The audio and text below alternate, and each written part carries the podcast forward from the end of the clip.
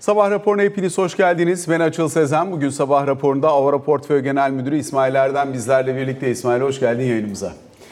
Şimdi genel olarak geçtiğimiz haftayı bayağı hareketli geçirdiğimizi söyleyebiliriz. Özellikle bir yandan enflasyon raporu toplantısı, daha sonrasında bunun çıktıları, yurt dışında özellikle Amerikan Merkez Bankası'nın attığı atacağı adımlara dair verilen sinyaller ve bunların yeniden fiyatlaması.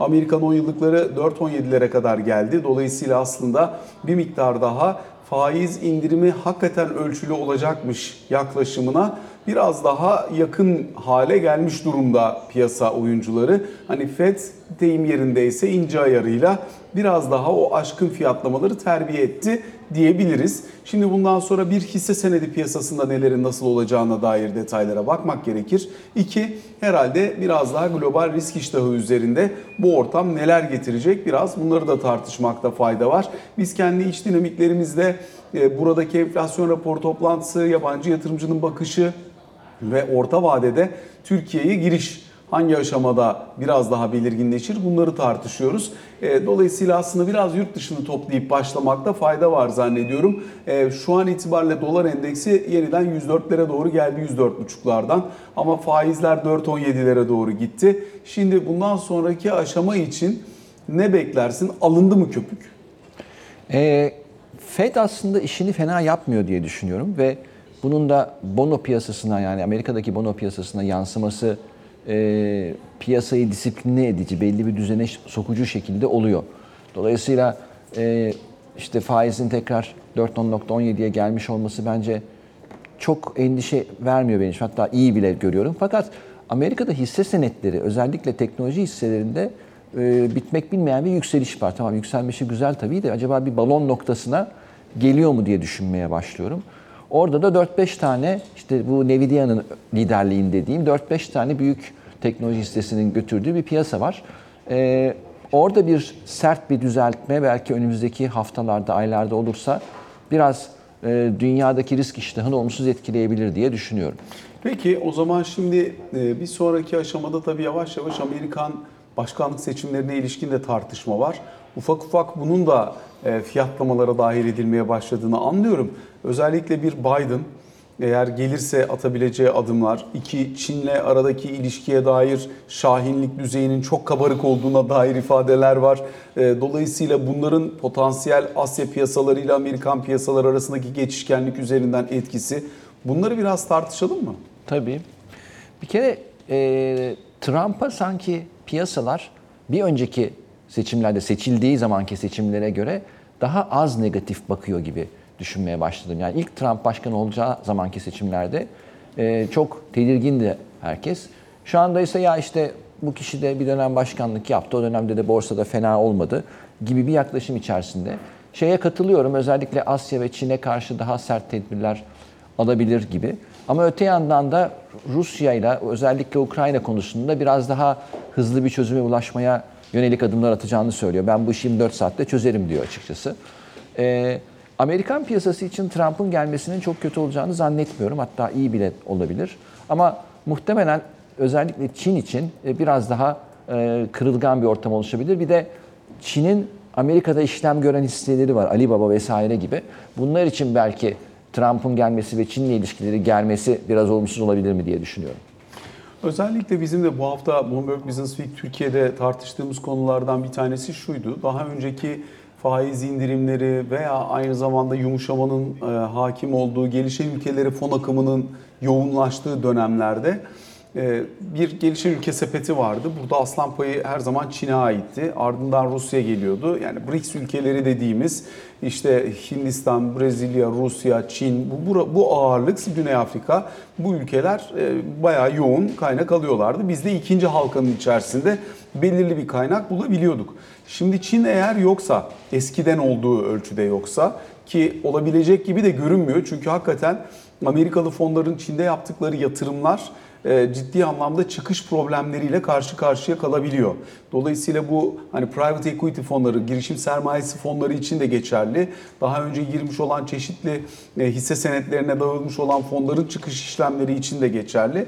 Dolayısıyla hani orada bir sıkıntı olduğu görünüyor. Rusya zaten yaptırım altında. Dolayısıyla herhangi bir varlığın Rusya'ya gitmesi de e, çok mümkün değil. Dolayısıyla BRICS'in B ve R'si e, bundan sonra yani Brezilya'yı bir kenara koyacak olursak işte Çin'i ve diğer e, Rusya'sı yoksa işin içerisinde bundan sonra diğer e, ülkeler aynı ölçüde kaynak alabilir mi? Alokasyonlarda acaba burada bir miktar artırım mı söz konusu olur? Yoksa bu bölgeye gelen toplu fon akımı biraz daha daralarak mı devam eder? Yani burada diğer ülkelerin yani Türkiye de buna dahil tabii e, daha fazla pay alma ihtimali çok yüksek. Genelde gelişmekte olan piyasalara akan fon akışlarında e, zaten son yıllarda bir azalma da biraz oluyor. E, bu sene özellikle olur mu? Çok hani parayı koyacak yer olmadığı için açıkçası bir miktar olabilir. Yoksa böyle bir varlık sınıfına iştah özellikle Amerika'da faizlerin daha düşeceği beklentisini dikkate alırsak aslında artacaktır. Yani Amerikalı veya işte İngiliz, İngiliz fon yöneticileri gelişmekte olan piyasalarda para yatıracak yer arayışlarını artıracaklar, iştahları artacaktır ama Çin gibi büyük bir oyuncu e, artık çok da çekici bir e, hedef olmayınca e, parayı koyacak yer kalmıyor. Bu durumda Türkiye'nin aslında önemi, Türkiye gibi ülkelerin önemi çok artıyor. İşte Türkiye, Vietnam gibi yerlerin önemi çok artıyor. Biraz da aslında son aylarda Türkiye hakkında yabancıların çok bakması, işte tabii ki ekonomi, yeni ekonomi programının etkisi var ama çok rapor yazmasında bu arayışın da etkisi var diye düşünüyorum. Onlar da ya şöyle bir Türkiye bir kendisini toparlasa da biz de yüklü para yatırsak diye düşünüyorlardır. Ee, Veya en azından sen, olaylar buraya doğru gidiyor.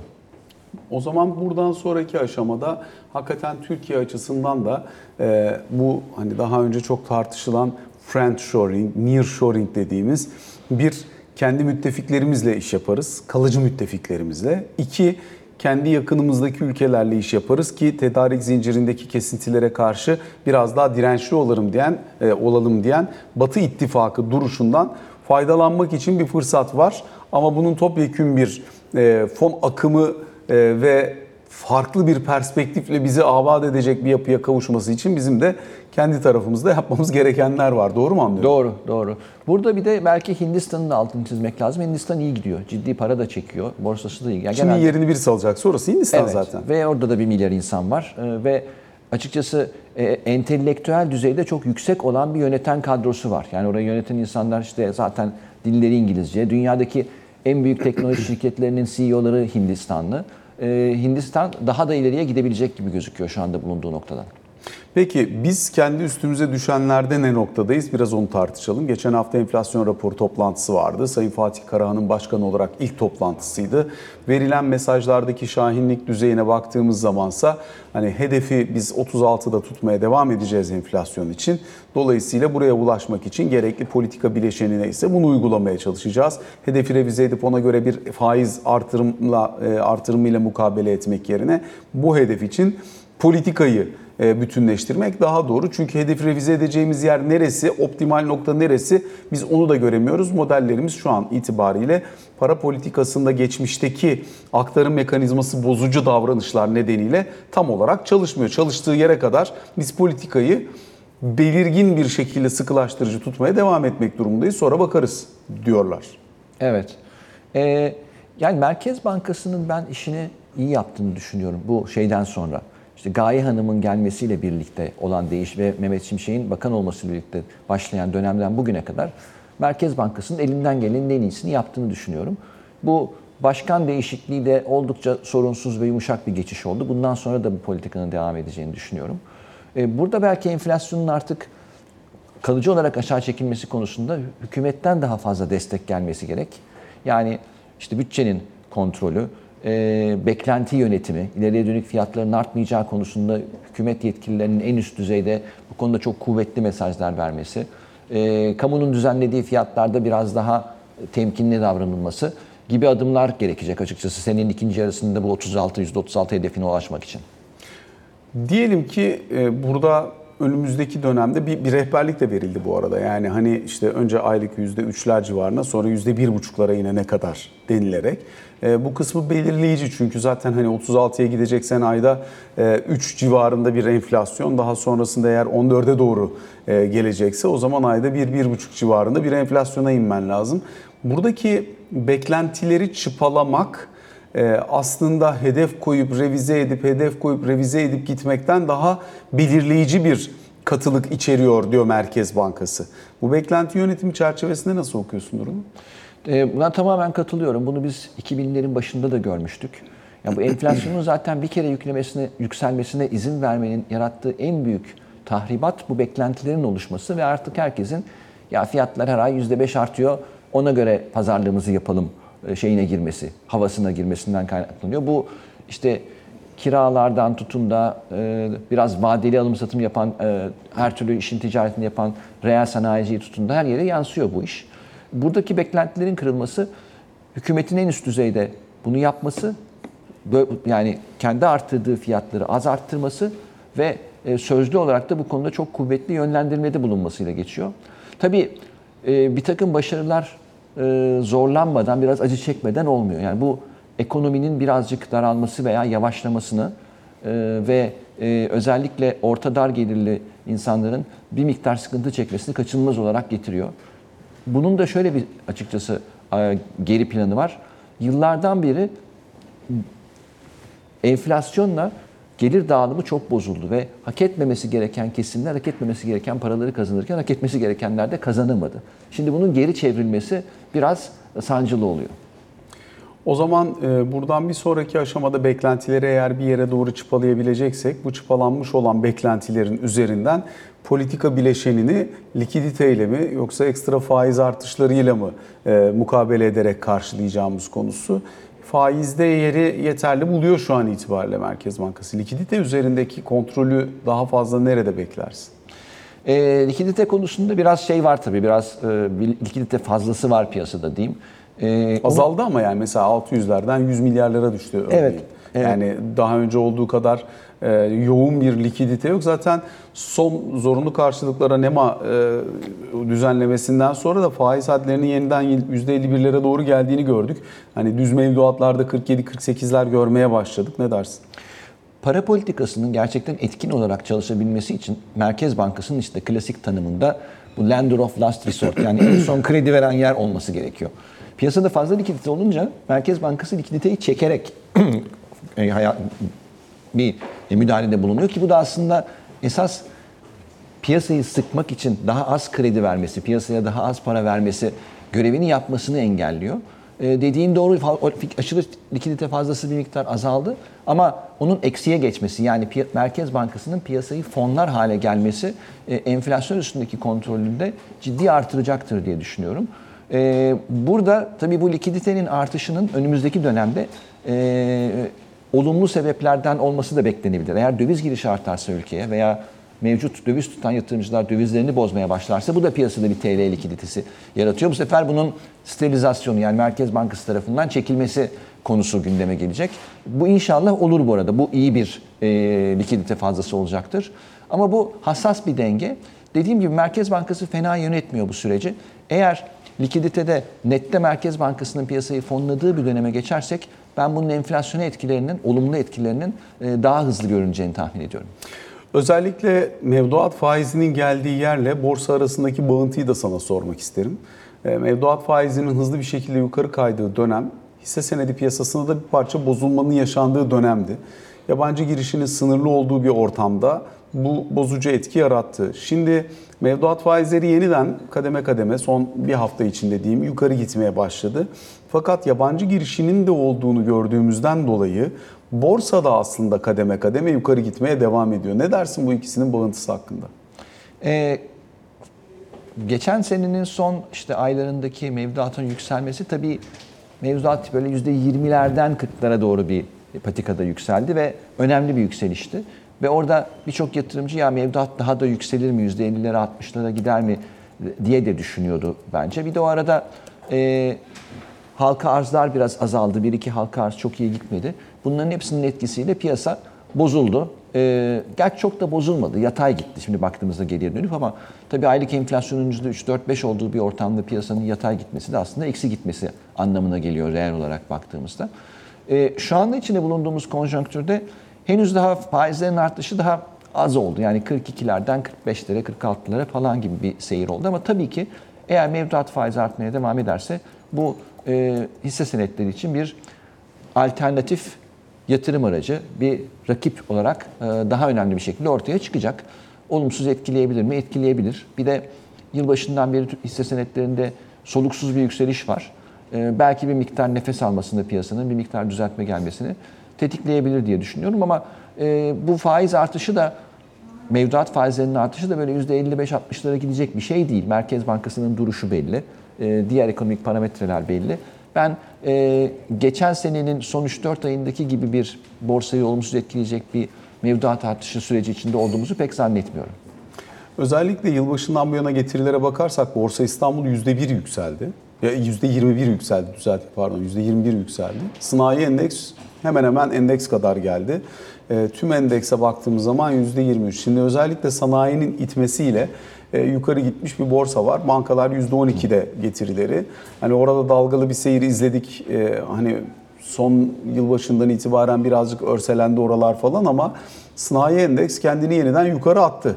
Dolayısıyla şimdi mesela buradaki performansın devamı konusunda ne dersin diyeceğim. Daha yılın e, bir buçuk ayı dolmadı.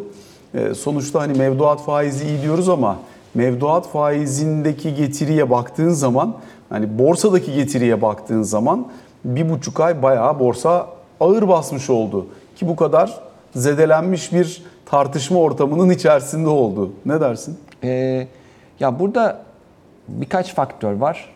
Bir, e, yabancı yatırımcıların Türkiye'ye daha iyi bakmaya başlaması. Çok büyük bir para girişi olmasa da en azından işte raporlar yazılıyor, fazla gelen giden oluyor. Türk aracı kurumları artık tekrar yurt dışında konferanslar düzenlemeye başladılar. Bunlara önemli ilgi oluyor. Ee, ve bu da beklentiyi artırıyor. Ee, sanayi şirketlerinin iyi performans göstermesinin sebeplerinden biri de geçtiğimiz senenin son 4-5 ayında bankaların çok iyi bir performans göstermiş olması ve sanayilerin geride kalmış olması aslında biraz orada yakalıyor gibi düşünüyorum sanayi şirketleri e, piyasanın gerisini. Tabii böyle her bir buçuk ay yüzde 21 ile sene sonuna kadar bitmeyiz. Yani sonuçta borsada yükseliş de var, değer kaybı da var. Bu işin dinamiğinde olan bir şey ve düzeltmeler olacaktır. Ama mevcut ekonomik program bu şekilde uygulanmaya devam ettiği sürece ben e, bu sene hisse senetleri için iyi bir yıl olacağını düşünüyorum. Yani senenin, İyiden kastın? senenin sonuna geldiğimizde enflasyonun ve e, mevduat faizinin ciddi şekilde üstünde bir getiri yani %20, 30, 40 belki üstünde bir getiri olma ihtimalini yüksek görüyorum. Ya bunun %21'i senin de dediğin gibi henüz şu ana kadar gerçekleşmiş vaziyette. Dolayısıyla bu noktadan sonra e, o kadar daha az bir e, yukarı potansiyel kalıyor ama e, olası dalgalanmaları da yeni pozisyon almak için fırsat olarak değerlendirmek gerekebilir. Peki makro çerçeveli uyumunu da sormak istiyorum sana bunun. Çünkü aslında Merkez Bankası'nın ortaya koymuş olduğu çıktı açığı grafiğine baktığımız zaman özellikle yılın ikinci yarısından itibaren ekonomik aktivitede ciddi bir yavaşlama örgüsü var. E, Dolayısıyla yavaşlayabilecek bir ekonomide sanayi endeks önderliğindeki yükseliş hareketinin devamlılığını sormak isterim. İç piyasanın daralması zaten söylemde de var bu yöndeki beklenti. İhracat iklimine baktığımızda ise Avrupa'da bir yavaşlama var. Son bir ayda ufak ufak bir toparlanma görüyoruz ama orası da çok kuvvetli değil. Bu durumda sadece para girişi ve momentum kalıyor geriye. Onun da kalıcılığını soruyorum. Dalgalanmalar olacaktır piyasada. Bu kaçınılmaz. Sonuçta sürekli demin de dediğim gibi her bir buçuk ay yüzde 21-21 yukarı gitmeyecek borsa. Bu zaten işin doğasına aykırı. Ee, ekonomideki olası yavaşlama ile ilgili de sanayi endeksi ve senenin ikinci yarısında. Şimdi burada tabii enflasyonu aşağı çekmek için uygulanan sıkı para politikalarının tipik dinamiğinde ilk dönemde piyasayı sıkıyorsunuz, ekonomi yavaşlıyor. E, fakat enflasyon aşağı geliyor ve diğer e, dinamikler yerine oturuyor olduğu için işte getiri eğrisidir, bütçe açığıdır gibi şeyler. E, daha sonraki seneler için çok daha olumlu bir senaryo bu sefer fiyatlanmaya başlıyor. E, Türkiye'de de olmakta olan, olacak olan bu diye düşünüyorum. Yani sonuçta iç piyasadaki daralma belki bir çeyrek, iki çeyrek sürecek ama bunun sonucunda ulaşılmaya çalışılan şey 2024-5'te, 2026'da belki enflasyonun %10'lara daha sonra da tek hanelere düştüğü, ee, işte cari açığın daha makul seviyelere geldiği ve çok daha sürdürülebilir bir büyüme patikasına oturmuş bir Türkiye olacak. Bu böyle açıkçası çöpsüz üzüm hemen olacak demek istemiyorum ama en azından ekonomi programının hedeflediği şey bu. Piyasada fiyatlarken tabii ki 2-3 çeyrek yavaşlama olacak ama ondan sonra da çok daha olumlu bir ortama tekrar e, günaydın diyeceğiz beklentisi var. Bu sanayi şirketlerle ilgili de şunu söyleyeyim. Bizim piyasamızdaki büyük sanayi şirketlerin önemli bir kısmı ihracat da yapıyor.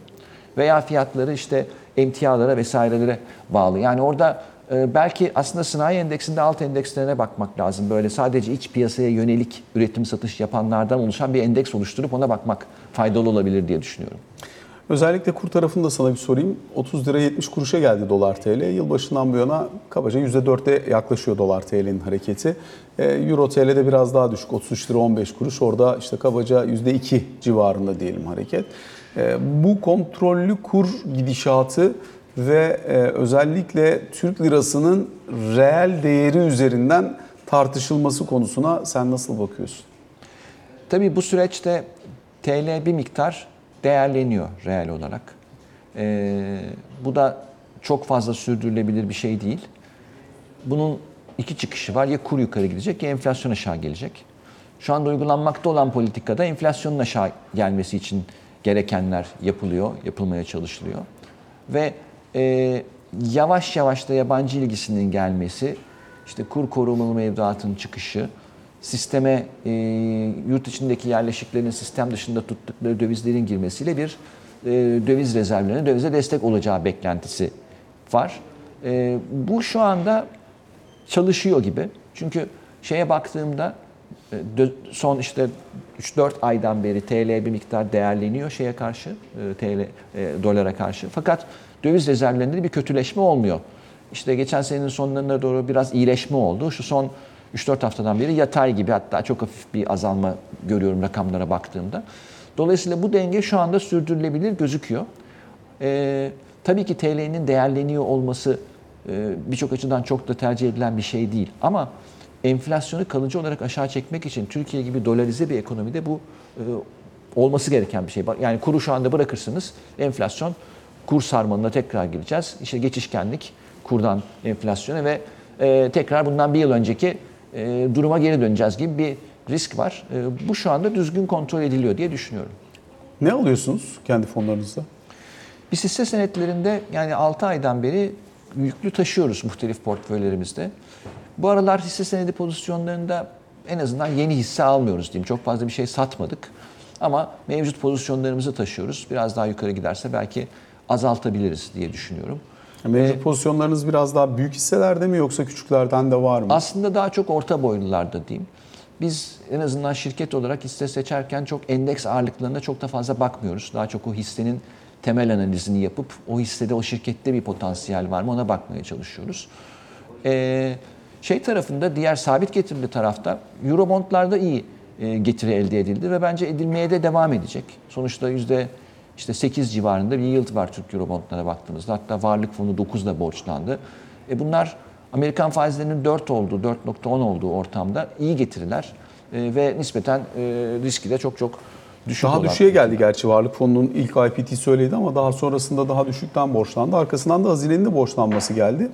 Orası da iyi borçlandı. 8'in altında borçlandı hazinede. Doğru. 7 küsur, 7.8 bin, 9 böyle bir şeydi galiba. Doğru haklısın.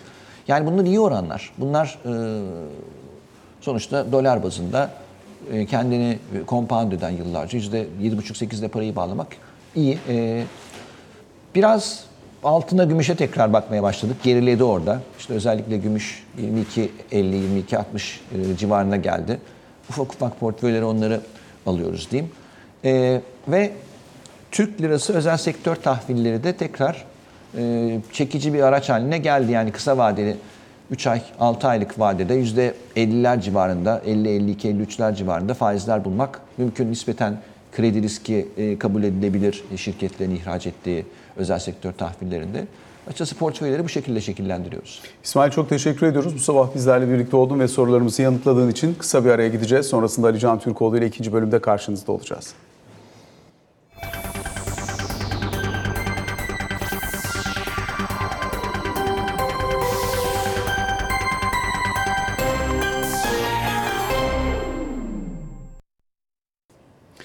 Sabah raporunun ikinci bölümünde Ali Can Türkoğlu bizlerle birlikte. Ali Can günaydın. Günaydın iyi haftalar. Öncelikle bugün kabine toplantısı var. Önemli gündem maddeleri var. İstersen bir hızlıca onların üzerinden geçelim. Çünkü hem emekliyi ilgilendiriyor hem aynı zamanda dış politikaya ilişkin de önemli unsurlar var içinde. Emekliden başlayayım o zaman. Ee, geçtiğimiz hafta içi Çalışma Bakanı'ndan bir takım açıklamalar gelmişti. Emeklilerin bayram ikramiyelerinin artmasına yönelik bir çalışmaya hazır olduklarını. Yani böyle bir çalışma şu anda tam olarak yapıldı ve sonuçlandı diyemem. Ama eğer e, bugünkü kabinede de konuşulacak zaten e, bu, yapılsın denirse ki denilecek. e, Buna yönelik bir çalışma çok hızlı bir şekilde geçecek. Normalde yılda iki kez e, 2000 lira yatırılıyor emeklilere bayram ikramiyesi olarak. Bunun artırılması e, gündemde e, muhtemelen bugün kabine toplantısı sonrasında Cumhurbaşkanı bu konuyla ilgili açıklama yapacaktır. E, onun dışında aslında dış politikayı ilgilendiren birçok başlık var. Ama bunlardan birisi Amerika Birleşik Devletleri ile yürüyen süreç, F-16 sürecinden bahsediyorum. E, Bütün hafta boyunca konuşmuştuk aslında. Cumartesi günü itiraz süresi tamamlanacak. Yani 15 günlük süre tamamlanacak. O sessizlik süresi. Herhangi bir kongreden itiraz gelmez ise, kongreden herhangi bir itiraz gelmez ise e, sürecin artık teknik aşamasına yani işte e, işte ne zaman gerçekleştirilecek, satış nasıl olacak, ne zaman teslim edilecek gibi süreçlerin konuşulduğu zaman resmen başladı. Herhangi bir itiraz gelmedi, resmi itiraz gelmedi E, ve dolayısıyla artık süreç F-16'ların e, ne zaman Türkiye'ye teslim edileceği, bu sürecin nasıl tamamlanacağıyla ilgili noktada. E, Biraz değinmiştim aslında. E, ellerindeki şu anda sipariş yoğunluğundan ötürü e, muhtemelen 4 seneyi bulacak diyorlar yeni F-16'ların teslim edilmesi. Modernizasyon kitleriyle ilgili herhangi bir sıkıntı yok. Ama 40 yeni F-16'nın teslimi muhtemelen e, işte 2028 gibi olacak gözüküyor derler bu konunun uzmanları ama muhtemelen bu konuyla ilgili de açıklama gelecektir. Dolayısıyla bu İsveç'in NATO sürecinin onaylanması sonrası Türkiye tarafından hem ABD'den F-16 süreci hem Kanada tarafından uygulanan ambargonun bitmesi açısından savunma sanayi anlamında söylüyorum bunu. Ankara olumlu bir görüşme, olumlu bir e, süreç olduğunu düşünüyor. Dolayısıyla Amerika ile savunma sanayi konusunun da bugünkü toplantıda da konuşulması yüksek ihtimal. E bunun dışında zaten Amerika ile yürüyen başka gündem maddeleri de var. Sadece Amerika ile değil, diğer e, ülkelerle de yürüyen İsrail süreci bunların başında geliyor.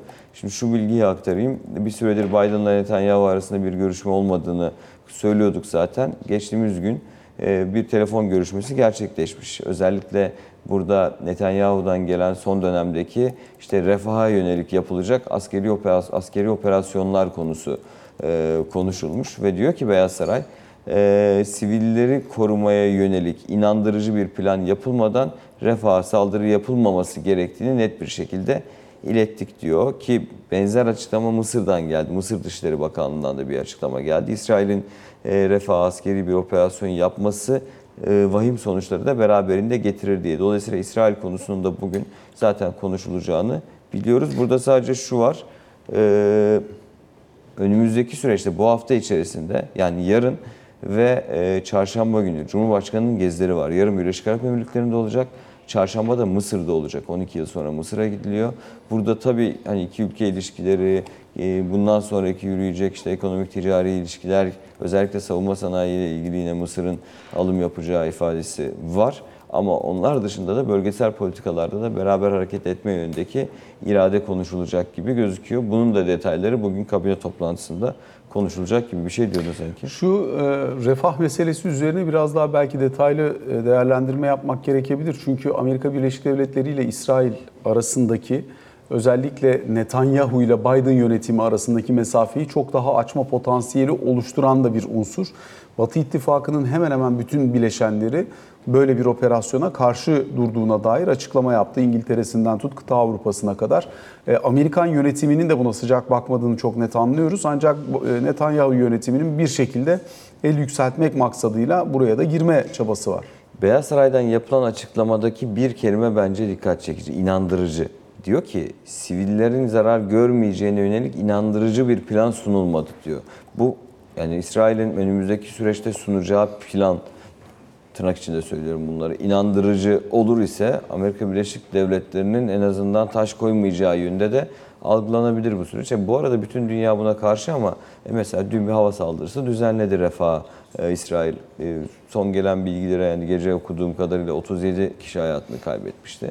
Dolayısıyla İsrail'in süreci tüm dünyanın söylemde en azından belli başlı ülkelerin ve başkentlerdeki gösterilere bakarak vatandaşların karşı çıkmasına rağmen e, bu saldırılarına devam ediyor ve edecek gibi de gözüküyor. Eğer yakın zamanda bu geçtiğimiz hafta detaylı bir şekilde konuştuğumuz planla ilgili olarak yeni gelişme olmazsa bununla ilgili olarak hem Mısır'da hem Katar'da görüşmelerinde sürdüğü söyleniyor. Dolayısıyla bu kapsamda hani bugünkü kabine toplantısının ana gündem maddeleri bunlar olacakmış gibi gözüküyor. Bak, muhtemelen akşam saatlerinde Cumhurbaşkanı zaten detaylı bir değerlendirme yapacaktır. Onun dışında meclis tarafı e, yine yoğun olacak bu hafta. Bir kere hafta sonu Aile ve Gençlik Fonu e, konusu yürürlüğe girdi. E, bu kapsamda yine işte yeni evlenen gençlere ilk 2 yıl ödemesiz, 4 yılda geri ödenecek şekilde 150 bin lira faizsiz e, kredinin verileceği ve e, petrol, doğalgaz ve maden kaynakları gelirlerinin %20'sinin fona aktarılacağını içeren düzenleme resmi gazetede yayımlandı. Bu kapsamda bu hafta içerisinde konuşulacaktır diğer detaylar. E, bu işte enerjiden bahsetmişken meclisin gündemine de aslında yarın enerji alanında düzenlemeleri içeren maden kanunu teklifi gelecek. Bence önümüzdeki süreçte oldukça fazla konuşulacaktır e, e, teklifin içerisindeki maddelerde. Yani yerli üretim veya e, farklı kaynaklardan ithal edilen doğalgazın Türkiye'de sıvılaştırılarak e, LNG olarak pazarla, e, pazarlara sunulmasıyla ilgili olarak maddeler var mesela.